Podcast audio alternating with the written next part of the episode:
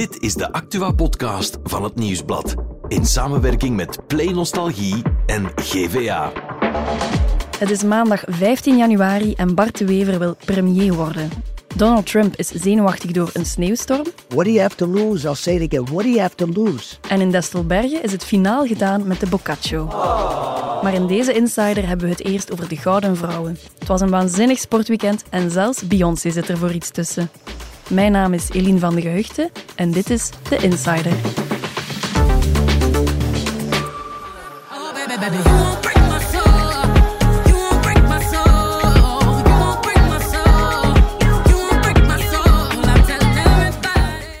Won't Break My Soul is een nummer van Beyoncé en het is op die tonen dat Luna Hendricks een gouden medaille haalde op het EK kunstschaatsen afgelopen weekend in Litouwen. In onze studio zit Bert Heijvaart. Dag Bert. Dag Helene. Bert, jij bent podcastproducer. Onze luisteraars weten dat al. Je bent ook journalist en ook allround sportfanaat. Dat mag ik zeggen. Hè. Dat mag je zeggen. Ja. Dus jij hebt ook zeker gekeken naar de kuur van Luna Hendricks. ja, zeker. Het was supercool. Goed nummer ook, Beyoncé. Ja, top hè? Ja, ja. Ja, De commentator zei trouwens tijdens die kuur al van bij het begin: It's a superstar. Ja, dat kan je wel zeggen. En we gaan het over veel superstars hebben eh, vandaag. Niet alleen over Luna, maar ook over Lotte en ook over Hanne. Dus er waren er veel dit weekend. Ja, ja. En we hebben ook gebeld met onze sportjournalisten die ter plaatse zijn om ons ook wat meer uitleg te geven. Ja, hè. Maar die zijn hier niet... niet allemaal uitleggen Nee, nee, nee. vandaag. Voilà, Ja. voilà. Je bent een sportfan, maar eh, misschien... Vanuit de zetel. Voilà, Ja. oké. Eh, maar dus eerst over Luna. Ja, een straffe prestatie. Waarom juist? Ten eerste omdat het historisch is. Eh, het eerste Belgische EK-goud op een EK kunstschaatsen in 77 jaar. Dat is sowieso straf. En het is ook een heel hoog aangeschreven sport. Hè. Eh, het is, je hebt van die sporten, zoals veldrijden, helaas, eh, waarin de Belgen heel goed zijn, maar die toch niet veel andere mensen doen. Ja, kunstschaatsen doen ze over de hele wereld en ook over heel Europa. Het feit dat een Belgisch meisje daarin kan uitblinken, is echt wel heel straf. Ja, ik ben alleszins eh, fan van kunstschaatsen. En ook natuurlijk van dat nummer, hè, Bert, Beyoncé. Van Beyoncé, dat weten we dat je er fan van Ja. bent. Maar er zit ook een heel verhaal achter. Het is ook dankzij dat nummer dat ze gewonnen heeft. Ten eerste eh, is het zo dat dat is vier uur lang zo'n finale. Dus dat zijn 24 deelnemsters na elkaar. Ja, als die allemaal klassieke ballades doen, dan wordt dat al een beetje saai. Als daar iemand Voor het publiek en de ja, jury, Voilà, ja, voilà, ja. voor allebei. Als daar iemand uitspringt met zo'n heel atypisch Beyoncé-nummer, dat al heel ja, catchy begint, dan is iedereen direct wakker. En ook haar show was er ook wel naar. Ja, Maar ik ik ga eerlijk zijn, ik heb de kuur twee keer bekeken. En het, is, het was ook niet enkel het nummer, het was een mix Ja. met een nummer van Madonna. En er zat voging in. En het was, ja, het was echt een show, hè. Ja, dat is echt super cool. En ehm, onze reporter in Kaunas in Litouwen, Maarten Davo, die zat daar in die zaal en die zag ook dat echt dat nummer het verschil heeft gemaakt, omdat dat net haar grote sterkte is. Ik laat het hem even uitleggen. Technisch is ze niet de allerbeste, dus technisch dat gaat dan over, over de sprongen eh, vooral en de pirouettes. Ehm, er zijn een aantal schaatsers, ook op Europees niveau, die, die daar hogere scores op halen. Dus ongeveer de helft van de punten gaat op die, ehm, ja, hoe, hoe je springt en hoe goed je die, die pirouettes eigenlijk uitvoert. Er waren er bijvoorbeeld gisteren eh, drie beter eh, dan haar op die scores, maar zij scoort heel goed op interpretatie van de muziek, choreografie, inleven. En zij van die moves op, op een Beyoncé en zo, ehm, waarin ze heel veel hoger... Eigenlijk is ze daar de beste ter wereld in. Bijvoorbeeld, zoals ze gaat op de jurytafel leunen, ze knipoogt naar de jury. Dat doen andere, andere schaatsters niet. En daar scoort ze heel veel punten mee. Zij, zij durft dat, zij durft moderne dingen te doen. En daar haalt ze ja, veel, veel hogere scores in. Dat maakt het verschil. Nog iets atypisch bij Luna Hendricks was haar outfit, hè. Een broek. Ja, een broek. Ja. Terwijl meestal komen de schaatsters op in een heel shiny, kort jurkje met doorzichtige ja. panties, denk ik dan dat dat is. Maar zij dus niet. Nee, en daar zit ook een verhaal achter. Ze had normaal een jurkje, maar dat zat de laatste tijd niet meer zo comfortabel, zei Maarten. En daardoor is ze op het laatste toch nog veranderd. Zat wel eh, een, een glittertopje in, eh, aan en er, er waren ook een paar glitters op haar broek. Eh, maar ze had een kort jurkje dit seizoen, ook een, een klein kort diamanten jurkje. Maar ze voelde zich daar niet comfortabel mee. Dus in, in december heeft ze daar de laatste keer mee geschaatst.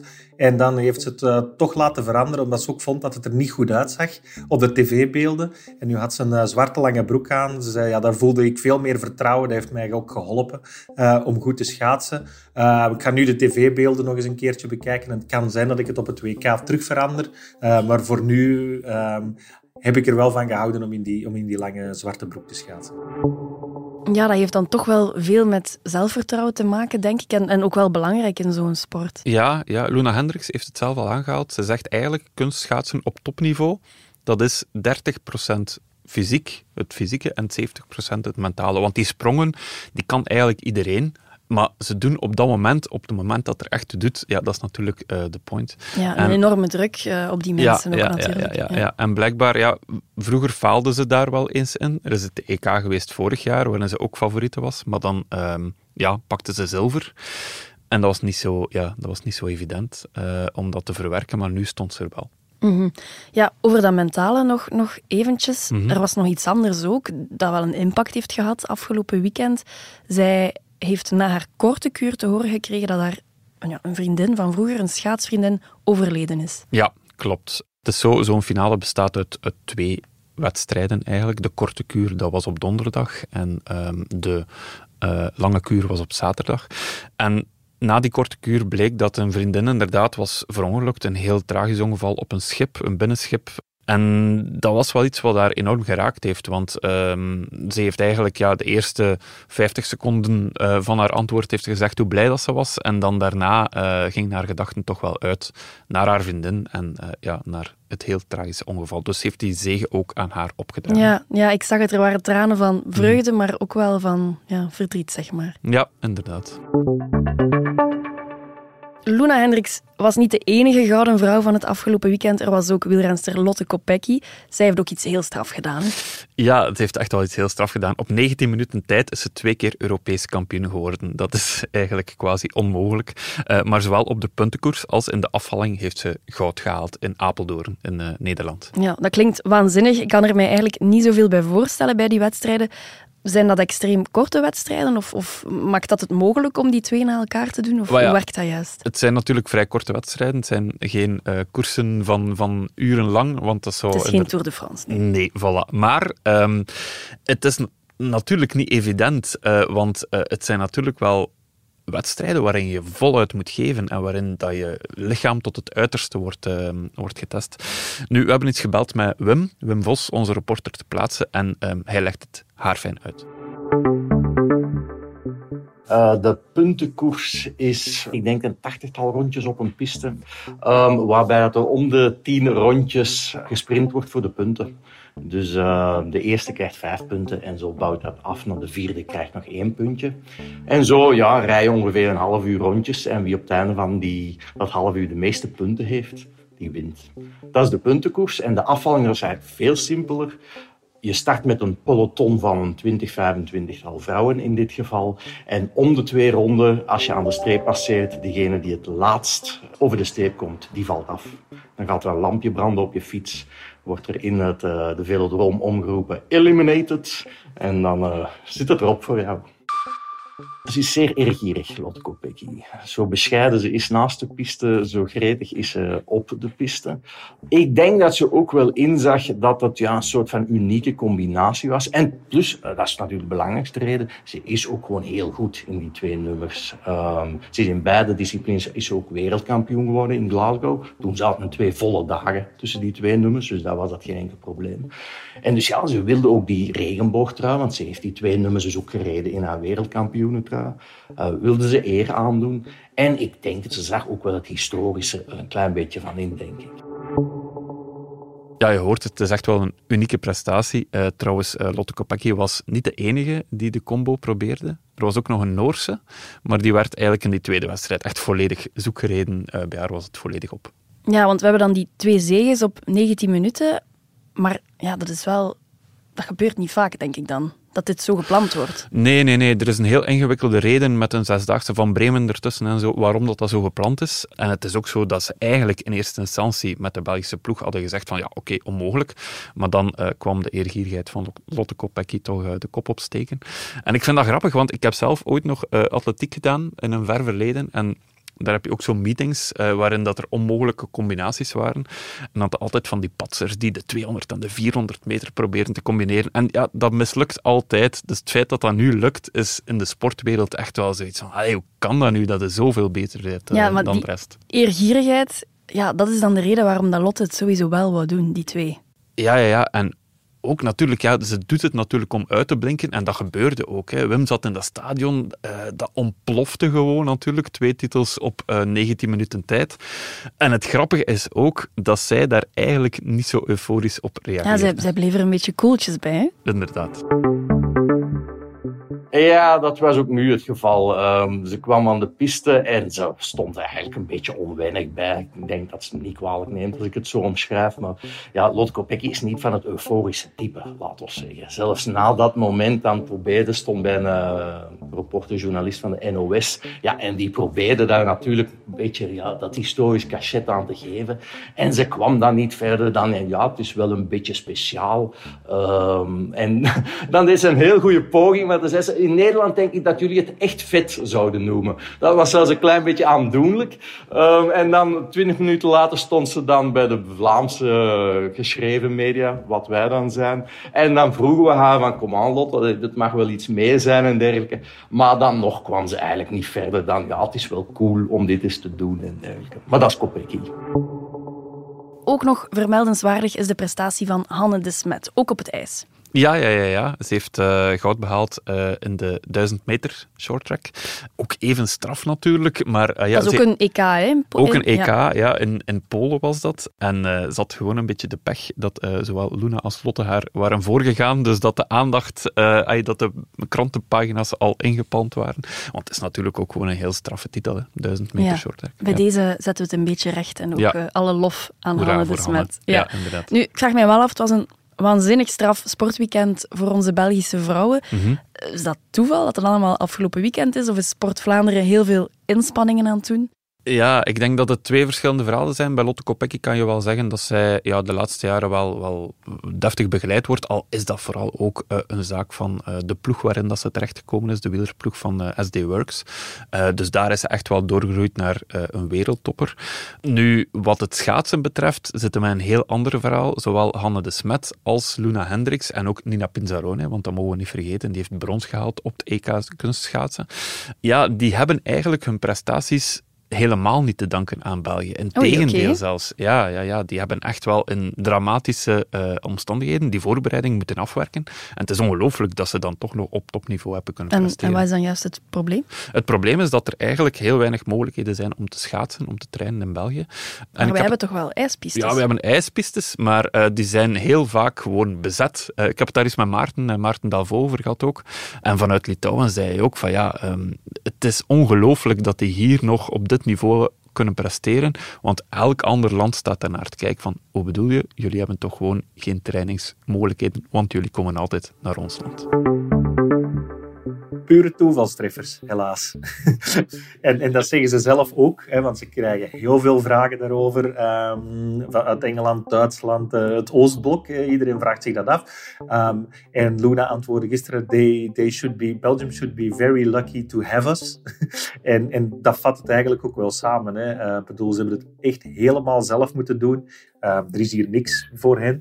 Zij hebben dus misschien wel de slechtste trainingsfaciliteiten van, van heel, uh, heel het Europese deelnemersveld. Omdat iedereen heeft eigenlijk zijn eigen trainingsbaan, vaste trainingsbaan, waar ze altijd terecht kunnen, waar ze vaak ook dicht in de buurt wonen. Uh, terwijl uh, Nina en Luna moeten bedelen om ijsuren bij de schaarse pistes die er in België zijn. En moeten ook heel vaak over de grens. Uh, dus uh, Luna schaatst de helft van de tijd in, in Tilburg en in Eindhoven, omdat ze gewoon geen plek vindt in België.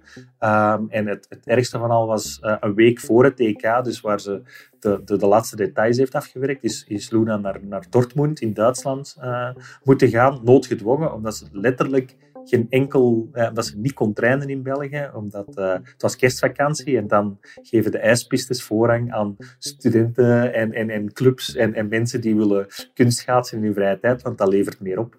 En dus uh, ja, als ze niet in Dortmund had terecht kunnen, had ze op een vijver moeten schaatsen in Arendonk om haar in te oefenen.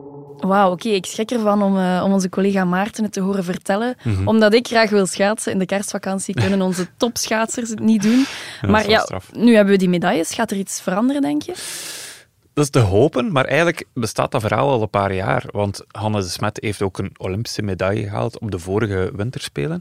Ehm, Bart Swings ook. En die hebben toen ook gezegd, van, we hebben echt nood aan een schaatsbaan. Want het probleem is, dat is een beetje cynisch, maar hoe beter onze schaatsers worden, hoe minder welkom ze zijn in het buitenland. Bij Hannes de Smet was dat heel duidelijk. Ja, die gaat altijd trainen in Nederland. Ja, ze komen bij de concurrentie. Voilà, en de Nederlanders zeggen, ja, maar wij, wij trainen hier onze eigen concurrent voor op de Spelen, dus, wij, dus op een bepaald moment werd hen de toegang ontzegd tot de Nederlandse pistes. En ja, dus het wordt wel moeilijker en moeilijker, en de nood aan een piste wordt steeds groter, alleen dat kost gigantisch veel geld. Ja, het is een geldkwestie. Dat kost 20 miljoen voor één piste, eh, wist Maarten mij te zeggen, en 30 miljoen voor twee naast elkaar, wat dan echt het ideale scenario zou zijn. Nu, dat geld is er niet zomaar, dat is echt wel heel veel geld. En daarom ja, hopen ze op een soort van private, publieke samenwerking Ja, met een om aantal sponsoring investeerders. te vinden. Ja. Ja, inderdaad. Oké. Desondanks toch allemaal heel straffe prestaties. Hoera. België boven op Ja. het ijs en op de baan. Daarop kunnen we besluiten. Hè. Inderdaad.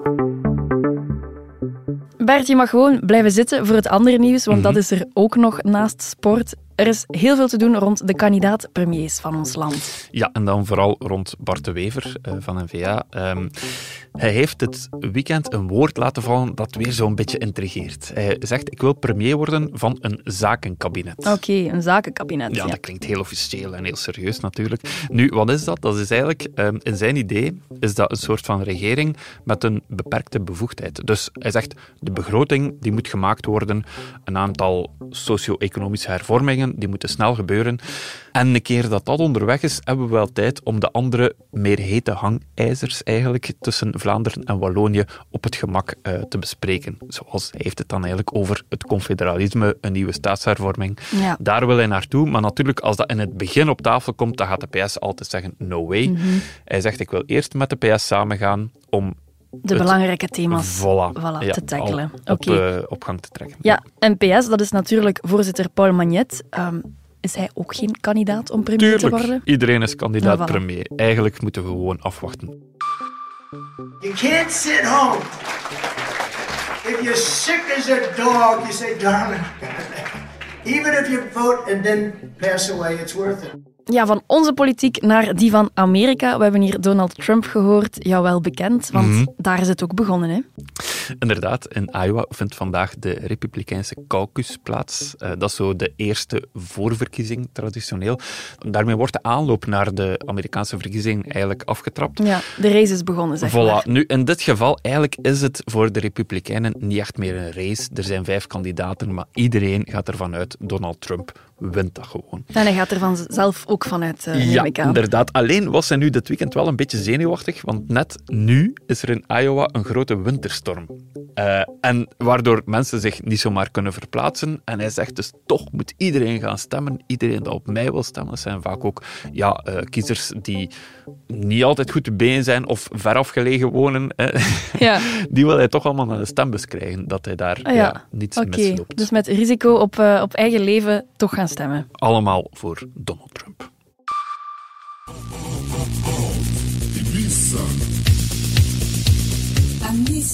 En dan dichter bij huis gaan we naar ons favoriete Destelbergen. Mijn hometown. Ja, Mhm. want daar gaat danstempel Boccaccio finaal tegen de vlakte. Ik wil dat ook heel graag in het Gens uitspreken, de Boccaccio. De Boccaccio. Ja, Ja. het is dat. Ja, eh, legendarische discotheek. Mhm. Jij ooit geweest? Ja, nee, ik ben, ben jong, hè, Bert. Ja. Wat wil dat zeggen over alle mensen die ooit naar de Boccaccio zijn geweest, Celine? Kom, we gaan over naar het nieuws. Mhm. Dus de Boccaccio die wordt tegen de grond geknald. Inderdaad, ja, de Boccaccio die is eigenlijk al lang toe. Het is al lang geen discotheek meer. Maar nu gaat die plat, echt wordt volledig eh platgesmeten. En er komen eh, een fitness- en een padelcomplex. Oké, een eh, Minder hip. ja, compleet ander verhaal. Geen Ja. oord van verderf meer. Nee, jammer. Voor Desselbergen. Oké, Bert, dankjewel voor het andere nieuws, voor de hele podcast ook. Mhm. En morgen zijn we er opnieuw met een nieuwe Insider.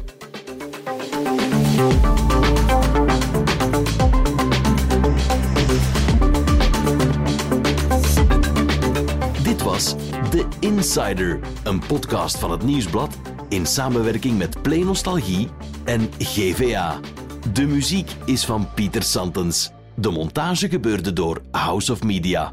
Wil je reageren? Mail naar podcast.nieuwsblad.be